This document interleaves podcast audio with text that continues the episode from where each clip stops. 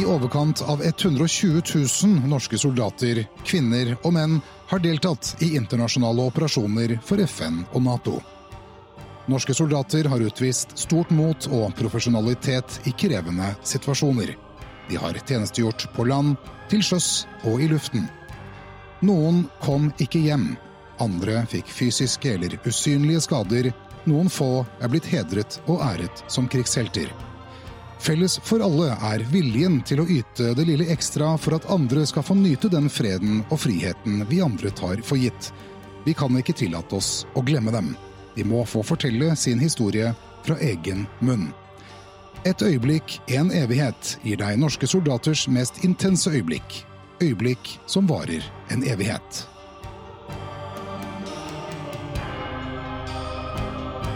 Og så husker jeg enda disse her eh, hundretalls av par med øyne som kommer løpende mot deg og med hendene ut og drar og river i det. Det er egentlig sånn kaos. Og da tenker vel de kanskje at her kommer redningen i form av en norsk 21 år gammel fenrik.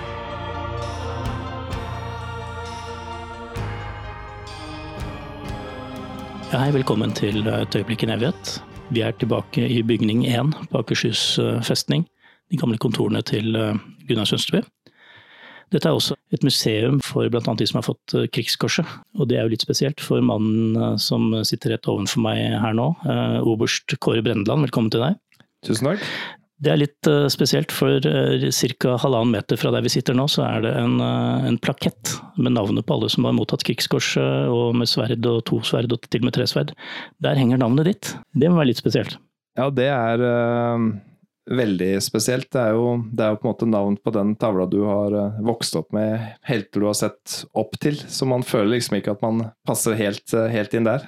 Men jeg husker første gang jeg så den tavla. Jeg var så heldig sammen med, med Alex, som fikk Krigskorset sammen med meg 8. mai mai i 2014 eh, å være med og faktisk innvie både bygning 1 hvor vi sitter ned, og den tavla. Eh, og det var kanskje det mest spesielle hele, hele den dagen 8. mai i, i 2014. Eh, det er veldig pompøst. Du har lunsj med regjeringen, det er medaljeutdeling med kongen, som selvfølgelig var veldig spesielt og flott. Men den kanskje største opplevelsen var det som skjedde i stillhet, uten at noen eh, visste det. Det var utenfor programmet.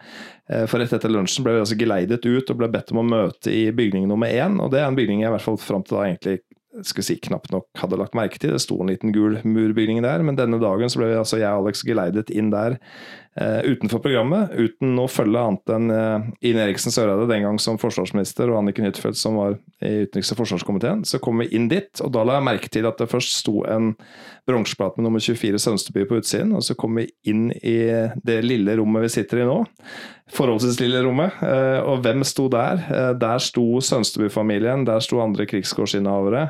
Ja, du blir eh, du blir veldig ydmyk, og så skjønner du ikke egentlig hva som skal skje. Og inn på veggen til høyre så hang det en blå fallskjermduk, viser det seg, som var en brukt duk fra Kompani Linge.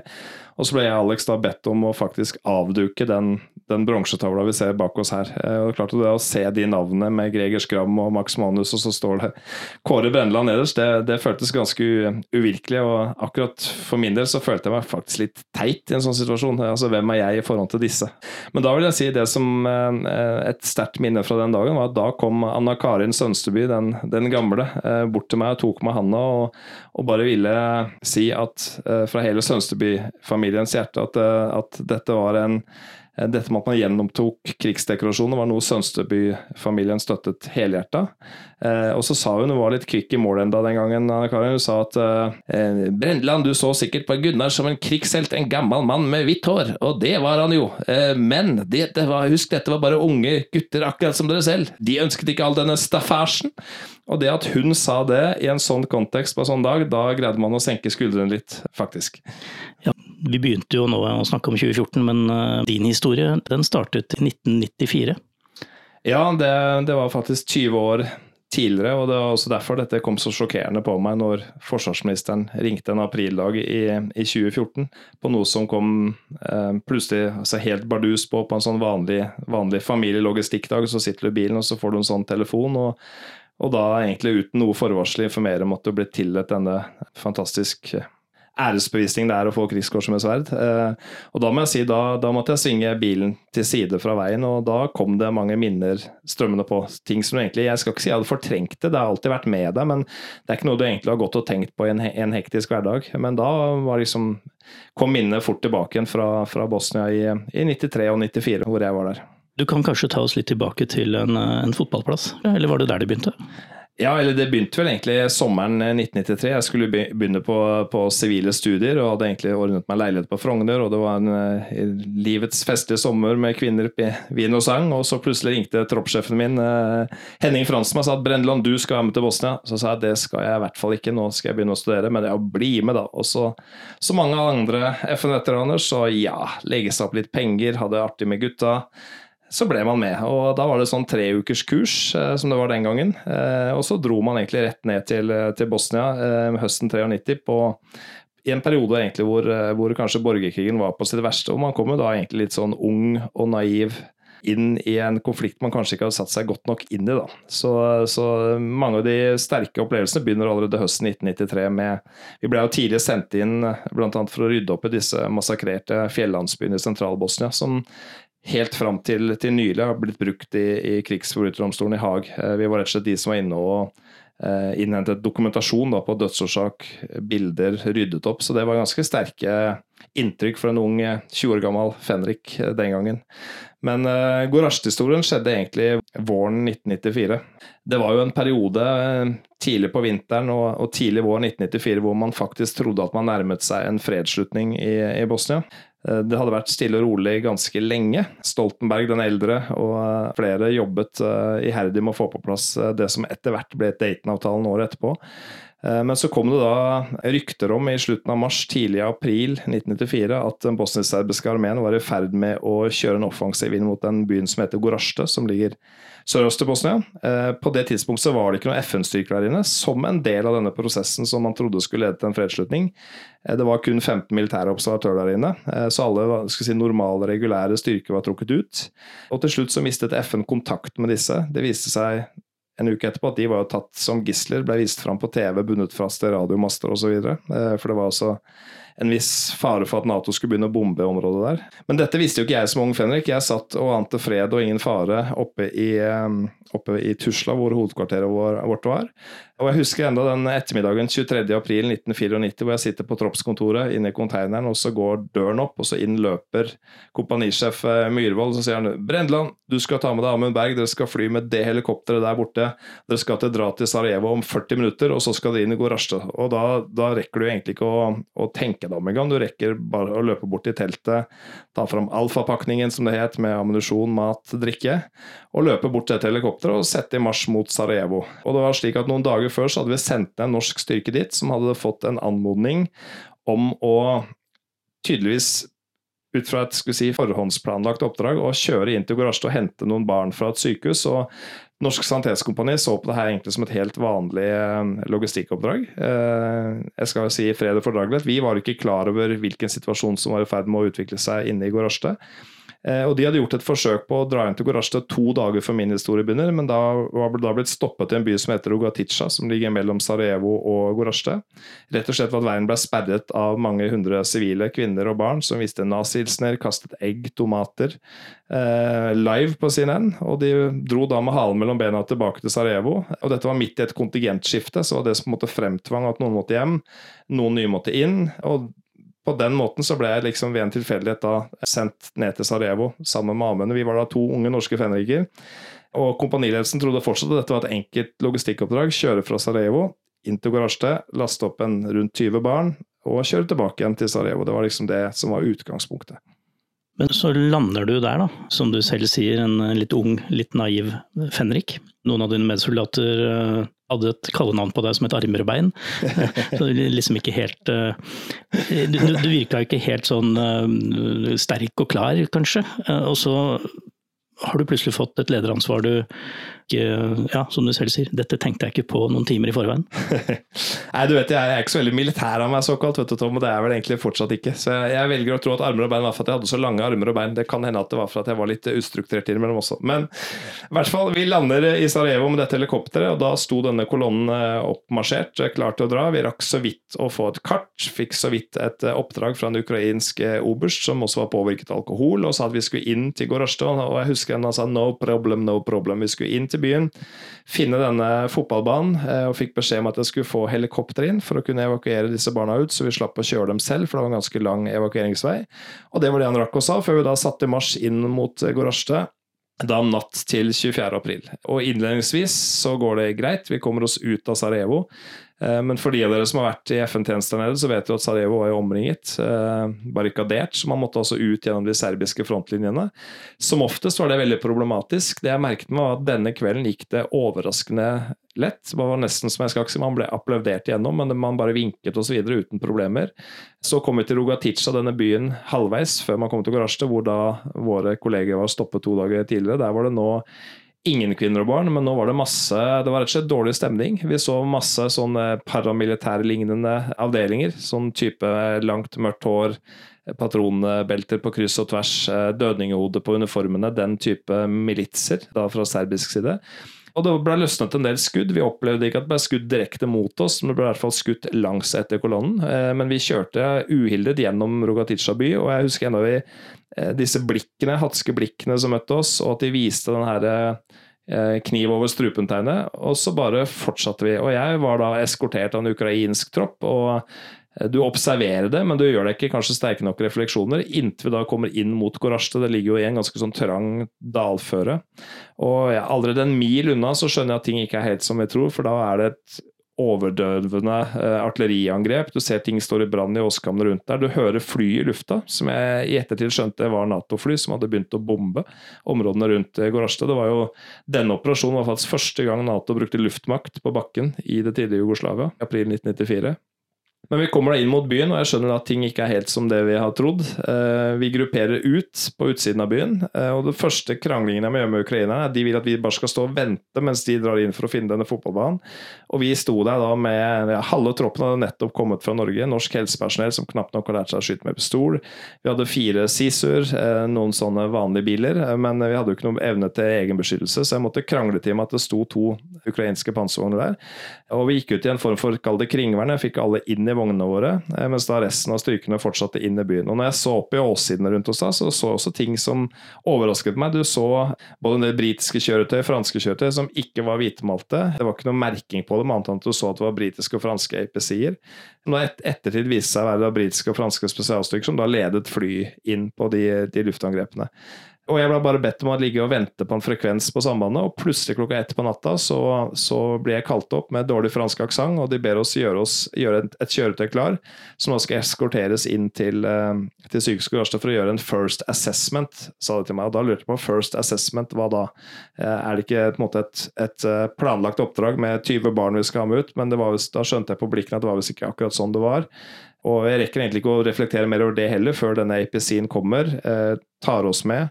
Og vi kjører da mørklagt inn mot Gorasjte sykehus. Og det var da også en, en, sånn beslutning jeg tok som var naiv og dum, og som egentlig bryter med en del eh, kjøreregler. At jeg ønsket da å lyse opp Genfer-korset, altså det røde korset, norske flagget, sånn som vi vanligvis gjør. Men de som kom for å hente oss, kjørte mørklagt med nattbriller. Og jeg sto da og kjørte alt jeg har sagt, at vi er norske, vi må vise flagget. Og da fikk jeg bare et blikk fra han som viste seg å være en offiser fra britiske SAS etter hvert, at det kunne jeg bare glemme. Så jeg så på Eivind Savio, sjåføren min, han nikk Nick, om han var komfortabel med å kjøre mørklagt. Og så kjører vi da mørklagt inn i sentrum av byen, som jo selvfølgelig er en dårlig beslutning hvis det går gærent. Men uh, det er sånn man tenker på etterpå. Og Vi kommer da inn til sykehuset i Gorasjte, hvor det har vært, eh, du ser at det står deler av bygget står i brann, deler av bygget har rast sammen.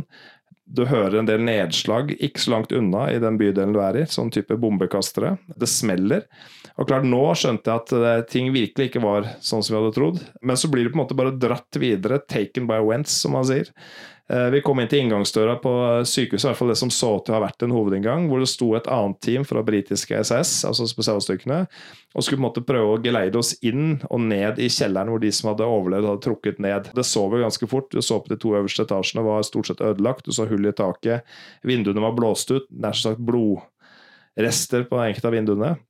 Og når vi kom inn i den gangen der, så ble dette uttrykket eh, Litt slitt uttrykket 'vasseblod' ganske bokstavelig. Du så det var Vi så ikke noen mennesker idet vi kommer inn på sykehuset. Vi ropte innover, skudd på hodelyktene våre. Du hører et sånt ekko. Helt stille, men du ser masse blodspor på gulvene, bandasjerester. Og vi kom videre innover, ikke tegn til liv overhodet. Og britene mente også at hvis det var noen overlevende, måtte de være nede i kjelleren. Og vi fant til slutt en, en trappenedgang som var, jeg tror var den eneste som var hel, som ikke var bombet i stykker og går ned den trappa. Og da var det mitt første møte med lokalbefolkningen i Gorazde. Da husker jeg bare så en, en hvit skygge, rakk ikke å reagere, komme løpende mot meg. Og mitt første møte med Begovic, som viste seg å være sykehusdirektør, var at han ga meg da en midt på trynet. Rasende. Fråden sto ut av munnen på han, angrep meg fysisk og sa 'Why do you come so late, you are war criminals', skrek han til meg. Og hadde jeg ikke hatt to svære britiske branner rett bak meg, som da dro denne mannen opp etter veggen, så hadde han nok slått meg rett ned. Jeg var var ikke akkurat i kampmodus selv i en sånn situasjon.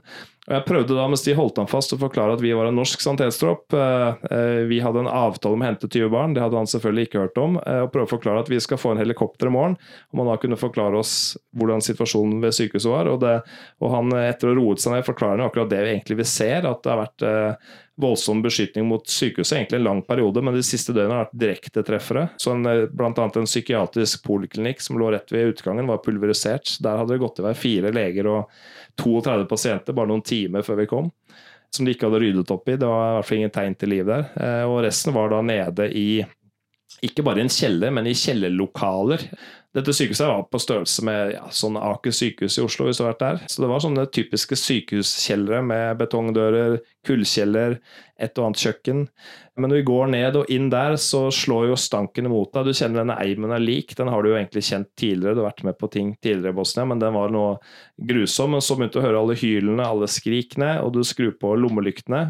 Og så husker jeg enda disse her, i hvert fall i hodet mitt, så er det hundretalls av par med øyne som kommer løpende mot deg og med hendene ut og drar og river i det. Det er egentlig sånn kaos. Og da tenker vel de kanskje at her kommer redningen i form av en norsk 21 år gammel fenrik med FN-hjelm og en Icom og en pistol og en liten sandveske.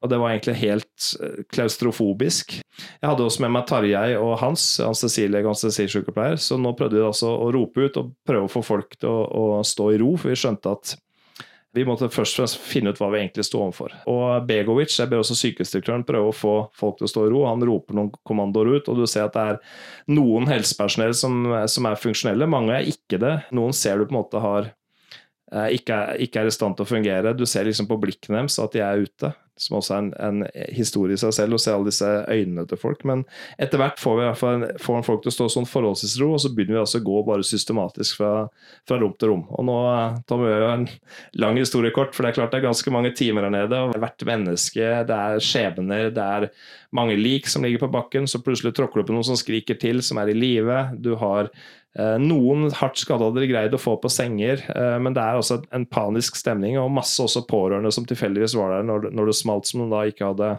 kommet seg ut. Og det, er jo, det har vært nå flere uker uten vann, uten strøm, uten noen ting. Så på en måte det er en, en sånn klaustrofobisk situasjon, da. Og vi vet ikke, jeg er litt usikker på hvor mange timer vi er der. Vi anslag mellom fire og fem timer. Bruker vi på å prøve å gå systematisk eh, rundt. og jeg husker Hans, legen vår, sa at det er i hvert fall 600 her som har behov for evakuering. I, i realiteten alle. ikke sant? De er omringet, byen er i ferd med å falle, de har ikke mat, de har ikke vann. I realiteten så, man, så trenger man ikke bruke medisinsk indikasjon engang. ikke sant? Men igjen, ja. Hvem var det som liksom hadde kontrollen der? Hvem var ledelsen på stedet som liksom skulle ta tak i dette? her? Akkurat i den situasjonen så tror jeg folk oppfattet meg som leder, rett og slett fordi jeg gikk først hele tiden. Jeg hadde to britiske soldater med meg som jeg skjønte etter hvert eh, de kjente jo at denne Arbro Beinmann kanskje trengte en for, for, for støtte. Uh, nei, så jeg som begynte å rope ut ordrene. Uh, jeg hadde egentlig ingen plan. Liksom, du, blir, du, blir, på en måte tatt på senga, bokstavelig talt, og, og, så må du bare begynne. Og så Vi fordelte oss i, fordelte bygningen i uh, hvem som skulle ta ansvar for hvilket område, og så møttes vi da med jevne mellomrom ca. hvert ti minutter for å gjøre en status. Det eneste man kunne gjøre der da, var på en måte å legge bandasje på de verste blødningene, sørge for fri luftvei. Det viktigste var å telle. Men som sagt, jeg husker han sa til meg dette her er jo håpløst. Vi vet vi kan få ut maks 300 innenfor den, den, tidslommen vi har fått, med jagerflystøtte og med helikopter som skal komme inn. Og hvem er vi da til å gå rundt og fortelle at du skal leve, du skal dø? Så vi brukte mot slutten, før vi dro tilbake til troppen vår, så sa vi til Begovic at nå må du nesten selv eh, prioritere hvem du ønsker å ha ut først, og så skal vi gjøre så godt vi kan på å få inn helikopteret dagen etterpå. Så det mest dramatiske som skjedde der nede, annet enn at hele, si, hele, settingen er dramatisk og den er belastende i seg selv, var at eh, det hadde jo vært, Vi hørte, nedslagene jevnlig. Det var Av og til så rister det litt i veggene. Eh, vi opplevde ikke, i hvert fall fram til ja, sånn ca. fire på morgenen, at det hadde vært noe direkte treffere mens vi var der. Men da kommer de to første stridsvognsgranatene mens jeg er der, inn i bygningen. og det jeg husker jeg hadde kommet inn i et sånt kjellerrom hvor halve etasjen var sammenrast, sånn at det var på en måte åpent til etasjen over, lengre bort. Eh, jeg har nettopp kommet inn i rommet, og så bare hører du en sånn, et litt sånn dunk, og så kommer det en voldsom eksplosjon. Eh, og akkurat det tidelssekundet der er litt sånn vanskelig å beskrive, for da har du sett lysglimt, du kjenner trykkbølgen, det faller ting i, fra taket i hodet på deg, sånn murpuss og sånn. Og jeg husker Det var det glimtet jeg husker etter at nå, liksom, nå dør du. Det var det. Og så skjer det ikke noe. Du, mister, du, begynner å pipe i ørene, du står fortsatt oppreist, det er fullt av støv rundt deg, folk skriker mer. Men så skjer det ikke noe eh, med meg. Og da viser det seg etterpå at da hadde altså gått to stridsvognsgranater inn gjennom veggen i etasjen over oss. Så det var flaks. Gud er norsk. Og hva gjør det med deg? Der og da så er det, om det er ung naivitet, uredsel, jeg vet ikke. Det var ikke skjellsettende. Det var ikke sånn at du på en måte knekker sammen. Du bare er så full av adrenalin, raseri over meningsløsheten at du på en måte bare fortsetter. Og det var egentlig først eh, flere dager etterpå at jeg fikk en reaksjon på akkurat det, hvor utrolig nærme det var at det der gikk dårlig. Eh, hadde de hatt siktemiddelet to centimeter lenger ned, så hadde vi vært borte. Under hele denne prosessen, alle disse timene dette pågikk, rakk du å reflektere noe som helst, eller var det en annen mekanisme som slo inn? Nei, jeg må eh, det er jo mange i ettertid som har skrevet bøker som prøver å på en måte rasjonalisere både analyse og hva man har tenkt. Jeg, ikke, jeg, jeg var altså veldig i nuet, altså. Eh, jeg tror jeg ble drevet fremover av eh, både adrenalin og frustrasjon. Men jeg hadde en klar jeg husker jeg hadde en klar tanke om hva gjør vi nå, hva gjør vi nå, hva gjør vi nå? Og det var egentlig det folk som enn meg etter hvert begynte å spørre meg om. Hva gjør vi nå? Men jeg hadde fått en lovnad om å få en helikopter på morgenen etterpå, før vi dro. Jeg, klart, jeg kunne jo ikke nå garantere at de helikoptrene ville fly inn til Gorosjta sånn som situasjonen var, men det var det jeg satsa på. Så det siste vi sier til sykehusdirektøren i grålysning på morgenen, er at vi, vi kommer tilbake. Jeg lover deg det. Gjør klar de første du vil ha ut. Jeg vet ikke når, men vi skal komme tilbake så fort vi kan. Og det tror jeg ikke han trodde på engang, men eh, det er det jeg kan si. Og så drar vi da ut til, eh, til resten av troppen og sikringsstyrken rett på, på, utsiden av byen.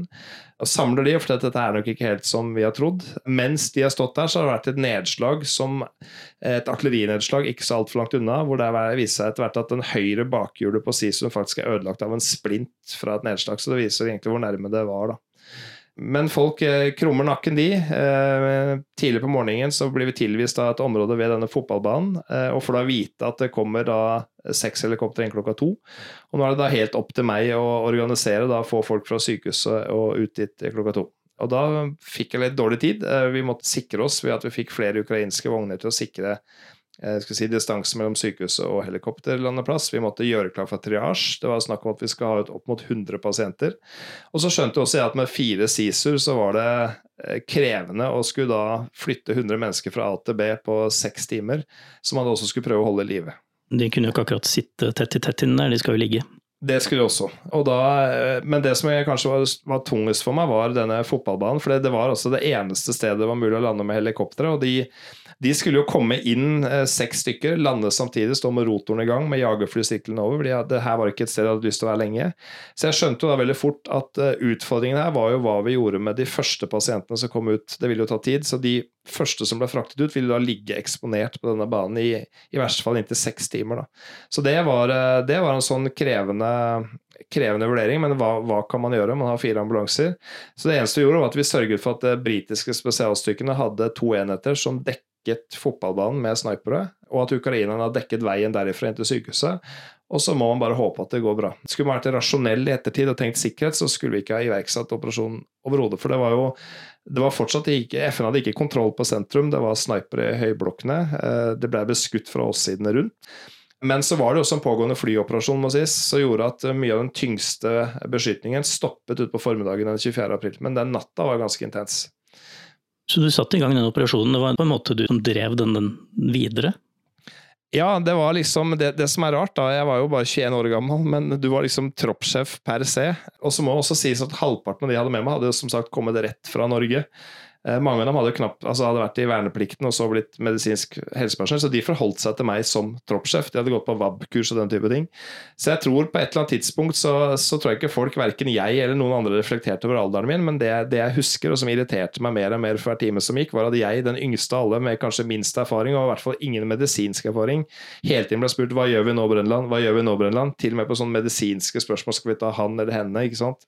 Og dette spredde seg tydeligvis oppover i rekken òg, som begynte andre styrker styrker også komme til Kåre Brendan for å, for å få hjelp? Ja, det, det, blir litt sånn. Så det, jeg, jeg, vet ikke jeg skal, jeg skal, ikke prøve å dra inn noen ledeteori eller noe som helst, men jeg, jeg tror jeg var ganske tydelig og var ganske klar. Eh, og jeg tror ikke jeg i hvert fall viste noe redsel utad, men, men, det er klart du er litt usikker. Men igjen, jeg tror, det, jeg tror når du er Kanskje hadde jeg agert på en annen måte når man var gift og med tre barn, som jeg har i dag, enn når du er 21 år gammel. Du har liksom litt den her, her udødeligheten i deg. Du, du tenker kanskje ikke konsekvenser på samme måte. Så det er ikke gitt at det er dumt å være ung leder heller i en sånn situasjon, tror jeg. Rett og slett for at du, du mangler litt analysegrunnlag du kanskje bør ha, og så bare kjører du på. Men det er klart, veldig mange av de beslutningene du tok i Gorasjte, kunne også gått galt. Og det er en hårfin balansegang mellom å stå frem som helt i ettertid, som man jo for så vidt heller ikke har bedt om, versus det å være idiot, eller sågar stilles for en eller annen, en eller annen rettssal for å ha brutt en eller annen sikkerhetsreglement i Forsvaret, ikke sant. Nå gikk det jo bra, får man si.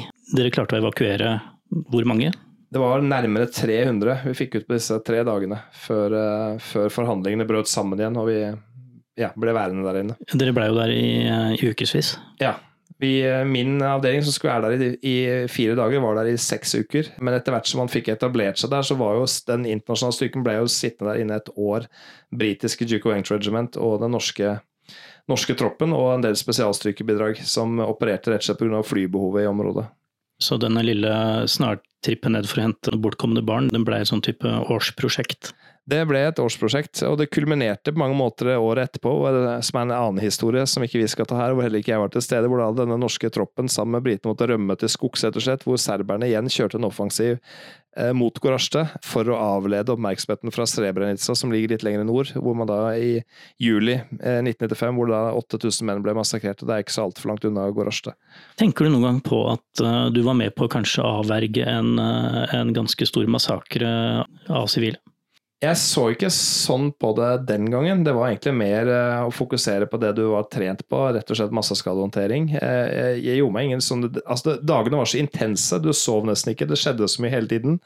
Også dagene etterpå, når vi, når vi ikke kom oss ut, for det var stadig folk som ble skutt. Det var sivile som ble skutt av snipere. Du hadde liksom noe å gjøre hele tiden. Du fikk liksom aldri roet ned og reflektere så mye av hva du egentlig sto oppi, og du måtte tenke sikkerhet hele tiden.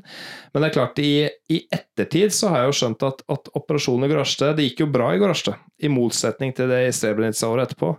Det var på mange måter samme oppbygningen. Det var Ratko Mladic, det var elementer både fra Serbia og fra bosnisk-serbiske hæren eh, som, som, prøvde å kjøre en knipetangsmanøver inn i byen. Og jeg er ganske sikker på at det ville blitt ganske omfattende massakre hvis ikke da UNPROFOR-styrkene og en del spesialstyrker hadde satt seg i sentrum av byen med flystøtte og, blitt, og ble sittende inntil forhandlingene eh, gjorde at ting roet seg ned inn mot sommeren 1994. Så er det jo en interessant sammenligning hvorfor det gikk så galt i, i Srebrenica, hvorfor det gikk så, såpass relativt bra, da, som ikke går Gorasjte, var jo nettopp kanskje tilstedeværelsen av britiske og franske styrker. Det var ikke tilfellet i, i Srebrenica, hvor det var altså en liten nederlandskadering som da ikke fikk samme støtten som det vi fikk. Men det er en annen historie, det også. Du valgte jo å bli i Forsvaret. Det må jo ha vært uh, mange refleksjoner rundt det, men var det et valg du tok som var lett å ta etter FN-tjenesten? Jeg tror kanskje mitt liv kan beskrives som taken by wents, eh, og fortsatt taken by Wentz. Nei, det var eh, like tilfeldig at jeg mm, begynte på krigsskolen jeg kom hjem, som at uh, jeg dro til Bosnia i utgangspunktet. Jeg hadde egentlig planer om å bli helsearbeider selv. Men eh, så var det slik da, at når man, eh, kontingenten var ferdig rett etter for mindre etter oppdraget i Gorazde, det var da litt forlenga en måned siden vi var sperret inn der, så skulle jeg egentlig da hjem. Men da ble jeg plutselig minnet på at jeg skulle på krigsskoleopptak, og det hadde jeg ikke tenkt på i det hele tatt. Så eneste grunn til at jeg søkte i krigsskolen, var at da kunne jeg få en uke ekstra fri fra Bosnia og feste med gutta, rett og slett. Så jeg dro rett fra Gorazde, rett til krigsskoleopptak på Linderud. Da prata jeg om én dag imellom i Tusla, og rett inn på et rom hvor man da skulle sitte og diskutere krigens eh, krav osv. med sersjanter fra, fra Nord-Norge som hadde tatt mål 1 og mål 2 i Kobbergdalen. Og da husker jeg det kom rett ut av Gorazde i, i, en operasjon som kanskje egentlig ingen visste omfanget av, eh, selv ikke i ettertid. Eh, da greide ikke jeg på en måte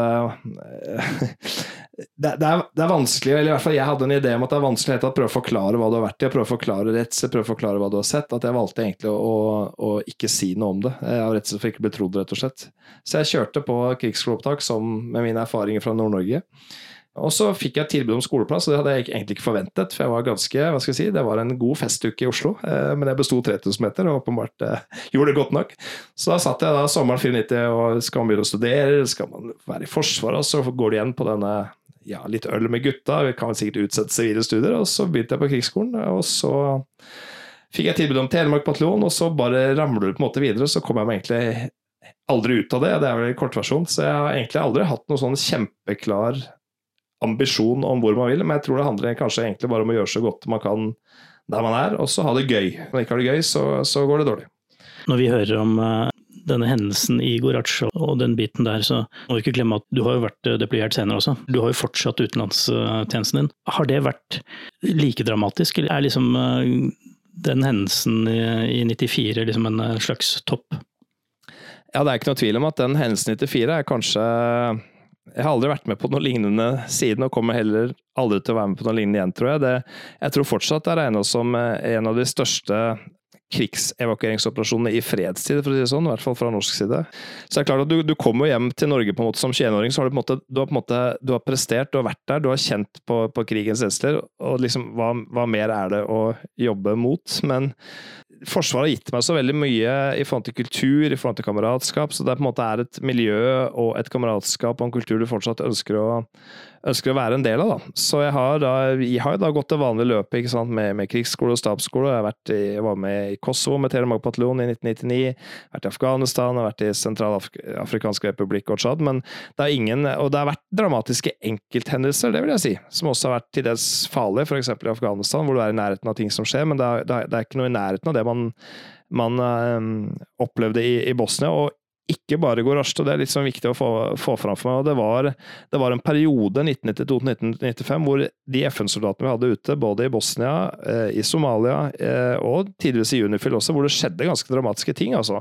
I en tid hvor det å være FN-tjeneste ikke var så ikke var det karrieregivende, ikke var det kanskje så populært. Så var, jeg tror mange, mange, som da opplevde ting og kanskje fikk problemer med opplevelsene sine, hadde vanskelig for å fortelle om hva de hadde vært med på når de kom hjem, fordi at de ble sett på som en, en sånn en. En som skulle på en måte skryte på pub, eller en som skulle fortelle om ting. Men, men jeg vil fortsatt hevde at uh, særlig Unprofor 92-95 var kanskje noe av det nærmeste krigslignende tilstand norske soldater har stått i siden. For krigen i Bosnia var, det var den reelle gamle krigen. Det var geriljakrigen, det var hus til hus. Du var underlegen i den forstand at du hadde ikke de maktmidlene vi har i dag.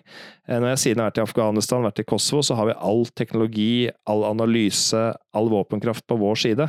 Sånn var det ikke i Bosnia. Der var du på en måte underlegen. Og det å da stå i en sånn situasjon med krigen i deg og rundt deg og skulle agere, var altså en helt annen Eh, noe helt annet enn det vi har vært med på, på etterpå. Så, så, for meg så er det, kan si, jeg, Hva fikk jeg ut av det? Det, det? det, gir deg på en måte i hvert fall en eh, I hvert fall blitt kjent med dine egne følelser, er ikke det psykologen ville ha sagt da?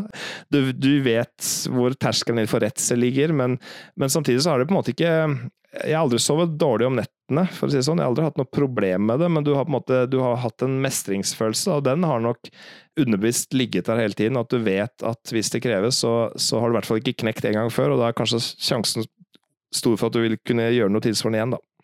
Nå har jo ikke du eh, tydeligvis tatt hetskrekken, for du er tilbake i FN-styrkene, for å si det sånn. Nå er du jo eh, stasjonert i New York, i FN, hvor du driver og jobber på et helt annet nivå med operasjoner.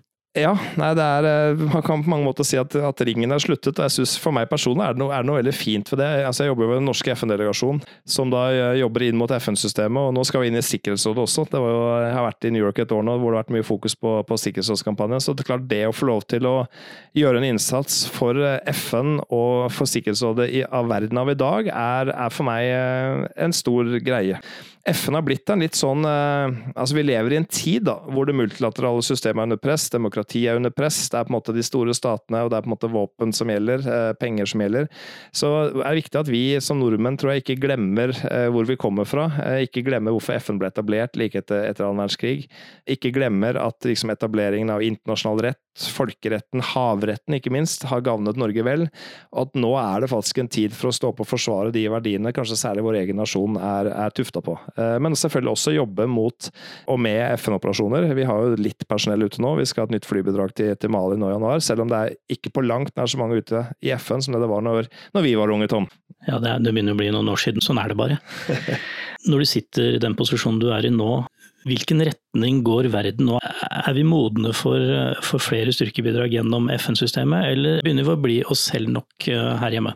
Ja, det, er, det, er, litt interessant, eh, veldig interessant spørsmål. for Hvis du tar, eh, hvis du tar f.eks. mange av de FN-misjonene vi ser i Afrika i dag, hvis du tar Mali i særlig grad og MINUSMA, så er jo FN-operasjonen i dag opererer jo i helt, et helt annet klima i snitt enn det vi gjør. Du har UNPROFOR, disse pikene, men, men, de som står i, i Sentralafrikansk republikk, Kongo, Maldags, lever også i et asymmetrisk operasjonsområde med stor risiko, eh, helt andre krav.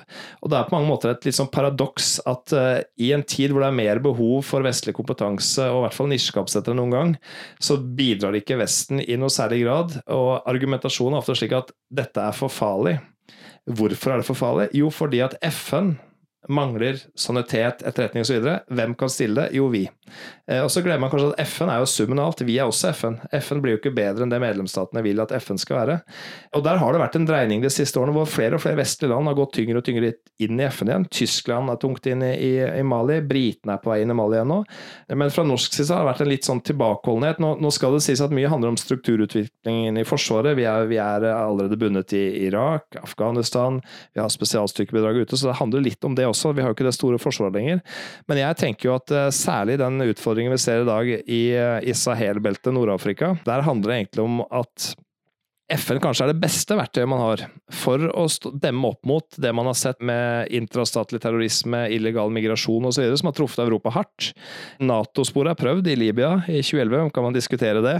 Eh, det er ikke noe tvil om at FN er den eneste legitime aktøren i, i Sahel og Nord-Afrika. Og jeg tror at Europa, også i et sånn sikkerhetspolitisk kontekst, ville vært tjent med en litt større innsats der i forhold til også europeisk sikkerhet, men det, det er på en måte en litt annen måte å se det på, da.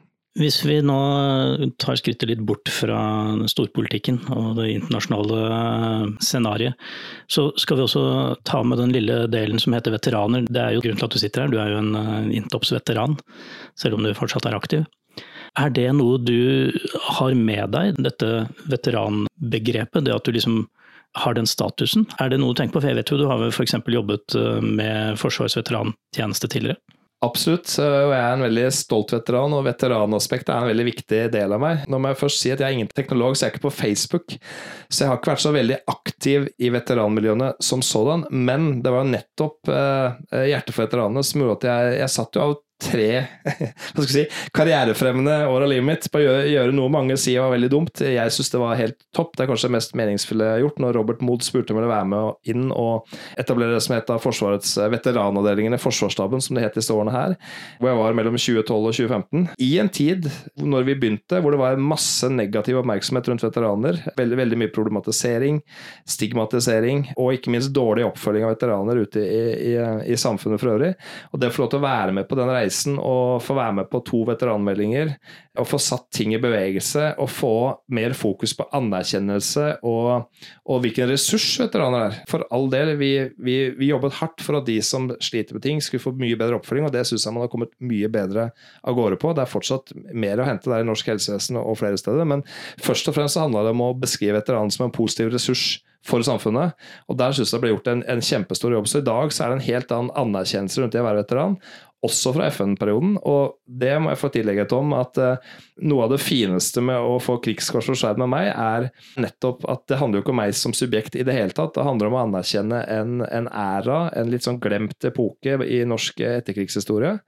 Uh, og man må også huske på at uh, selv den dag i dag, så er det flere som har vært ute altså Når vi legger til Irak-Afghanistan-æraen, som tross alt har vart lenge, så er det langt flere som har vært ute i FN-operasjoner enn Nato og andre operasjoner. Så det er veldig mange som skal være stolte av å ha tjenestegjort for FN. Jeg vet, og mange flere vet, at de har stått i ekstremt krevende situasjoner, og gjennom sitt norske lynne og norske vesen, norske terreng, har greid seg veldig godt. Så norske FN-soldater har stort sett vært meget solide. Jeg har enda ikke hørt noe negativt om en norsk soldat fortalt av andre internasjonale kolleger ute, verken nå eller egentlig under FN-perioden. Så, så, det å være veteran er en uh, viktig del av identiteten. Og jeg syns også at de som har kun FN-bakgrunn, skal være veldig stolte av det. For det var en krevende tid å være soldat ute i, i internasjonale operasjoner fra 1995 og bakover, og er det selvfølgelig fortsatt i dag. Dette er en av mange unike historier om selvoppofrelse og mot fra våre soldater. Her lar vi soldatene selv fortelle om de intense øyeblikkene, akkurat slik de opplevde det. Historier som rett og slett er blitt et øyeblikk en evighet.